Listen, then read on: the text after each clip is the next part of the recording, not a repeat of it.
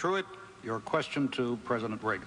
Mr. President, I want to raise an issue that I think has been lurking out there for two or three weeks and cast it specifically in national security terms. You already are the oldest president in history, and some of your staff say you were tired after your most recent encounter with Mr. Mr. Uh, Mondale. Um, I recall yet that President Kennedy had to go for days on end with very little sleep during the Cuba Missile Crisis. Is there any doubt in your mind that you would be able to function in such circumstances? Not at all. Mr. Truitt, and I, and I want you to know that also I will not make age an issue of this campaign. I am not going to exploit for political purposes my opponent's youth and inexperience.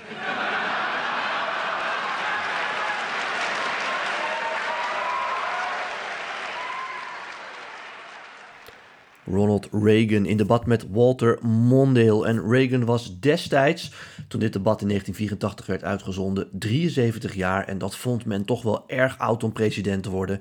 En op deze manier kantelde hij het debat daarover volledig. Ja, althans, dat is natuurlijk ook een beetje folklore. Uh, het wordt altijd, uh, des te langer geleden iets is, des te groter gemaakt. Ook alsof dat de hele discussie toen omzwengelde, dat niet. Maar het was wel een hele mooie manier om duidelijk te maken dat ja, hij misschien op leeftijd was. Hij was 73 uh, en zijn tegenstander Walter Mondale was, dacht ik, in de 50, misschien eind 50, begin 60. Maar ja, daarmee dus ook heel erg onervaren. Dat wilde Reagan hier maar mee zeggen.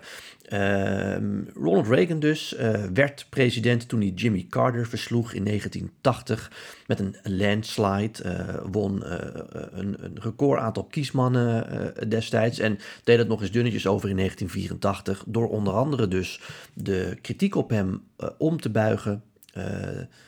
Dat hij te oud zou zijn. Hij was toen 73 jaar en destijds de oudste persoon ooit om genomineerd te worden door een van de twee partijen om voor het presidentschap uh, te gaan. Nou, we weten allemaal, Trump is nu eind 70 en Joe Biden is over de 80. Maar toen dus 73, toen was Reagan al oud en toen was voor de laatste keer echt leeftijd een belangrijk onderwerp bij de presidentsverkiezingen. En nu is dat natuurlijk sowieso een belangrijk onderwerp bij de presidentsverkiezingen, want nou ja we hebben het vaak over de leeftijd van Joe Biden gehad, maar nu is ook Donald Trump aan de beurt, want Nikki Haley haalt alles uit de kast en haar laatste aanval op Trump is dat hij niet helemaal in orde meer zou zijn, niet helemaal 100% meer zou zijn, omdat hij een aantal foutjes heeft gemaakt in de campagne. Nou, uh, jullie weten, ik vertel daar ook vaak over. Ik kijk niet alle speeches van Trump, maar vrijwel alle speeches uh, van Trump.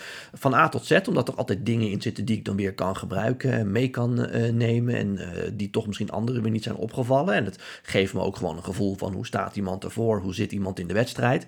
En het is mij inderdaad ook wel opgevallen dat hij, nou ja, laatst natuurlijk heel lang doorging over het feit dat Nikki Haley geen beveiliging had geregeld toen het kapitool bestormd werd. En vervolgens uh, dat hij uh, meerdere rallies had gezegd dat hij tegen Obama een record aantal stemmen had gehaald. Terwijl hij heeft natuurlijk nooit tegen Obama aan de verkiezingen meegedaan. En vervolgens hadden hij nog een aantal andere namen door elkaar. En uh, hoewel Trump een wijze van spreken hebt dat hij echt van de hak op de tak gaat. ja, volg ik hem al zo lang en zijn supporters volgen hem ook al heel lang. Dat kunnen wij, zal ik maar even zeggen, prima volgen. Alleen de afgelopen weken was het wel een paar keer zo dat hij zodanig van de hak op de tak ging dat ik op een gegeven moment ook geen idee meer had waar hij het uh, over had. Uh, overigens, als je naar de speeches van Trump uh, kijkt, wat ontzettend grappig is om te zien, vind ik, is dat hij wel de teleprompter gebruikt. Hè? Dus hij leest van de autocue, zal ik maar even zeggen. Ehm, dat is een speech die van tevoren geschreven is. Die zal hij heus wel een keer gezien hebben. Dus een soort standaard speech. Maar op basis daarvan pakt hij eh, het moment en gaat hij op de actualiteit in. Dus dan zie je hem bijvoorbeeld duidelijk oplezen van...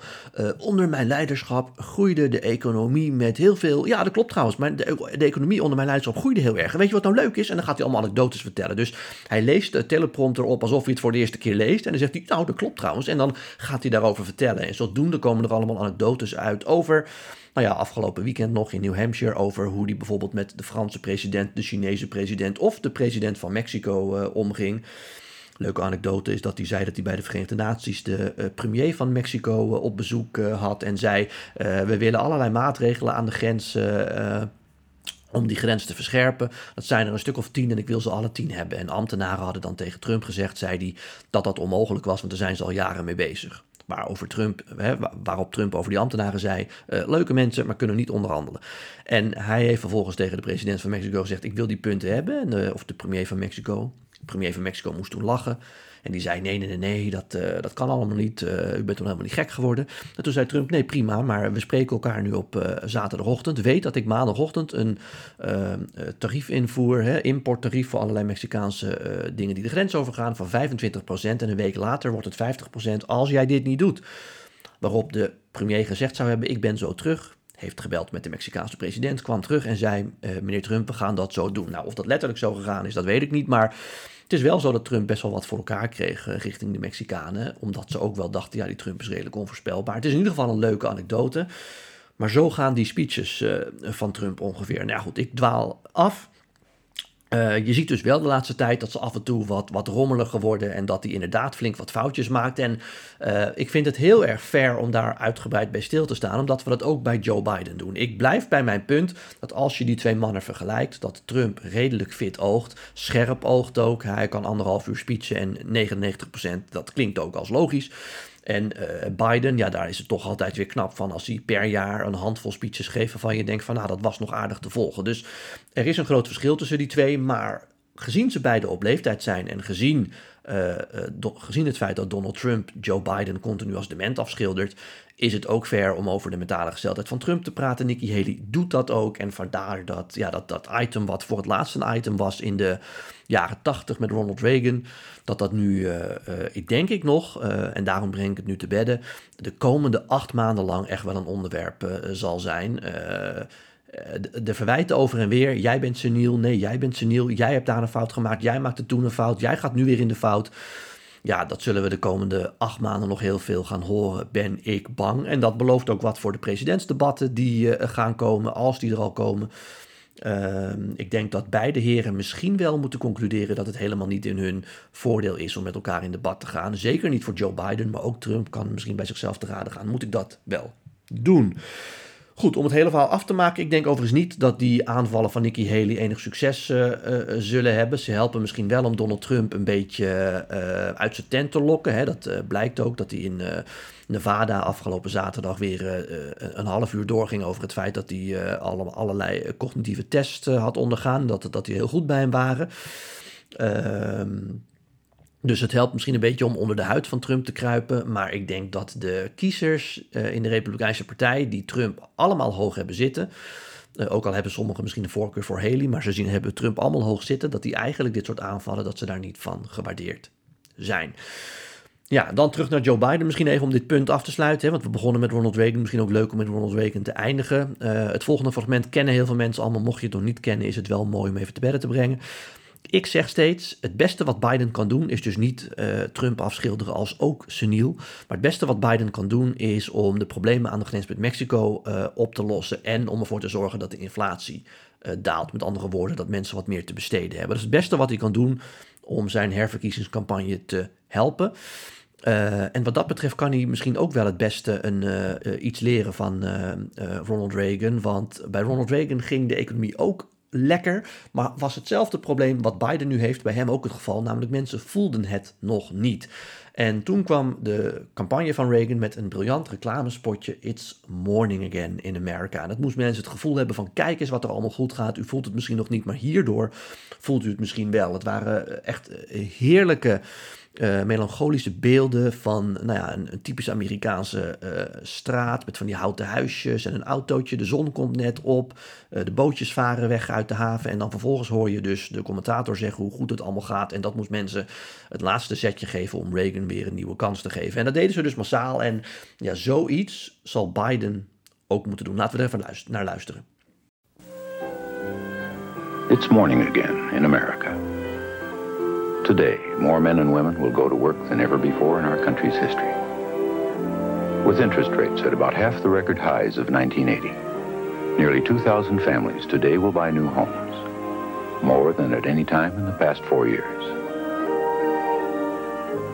This afternoon, 6,500 young men and women will be married. And with inflation at less than half of what it was just four years ago, they can look forward with confidence to the future. It's morning again in America. And Under the leadership of President Reagan, our country is prouder and stronger and better. Why would we ever want to return to where we were less than four short years ago?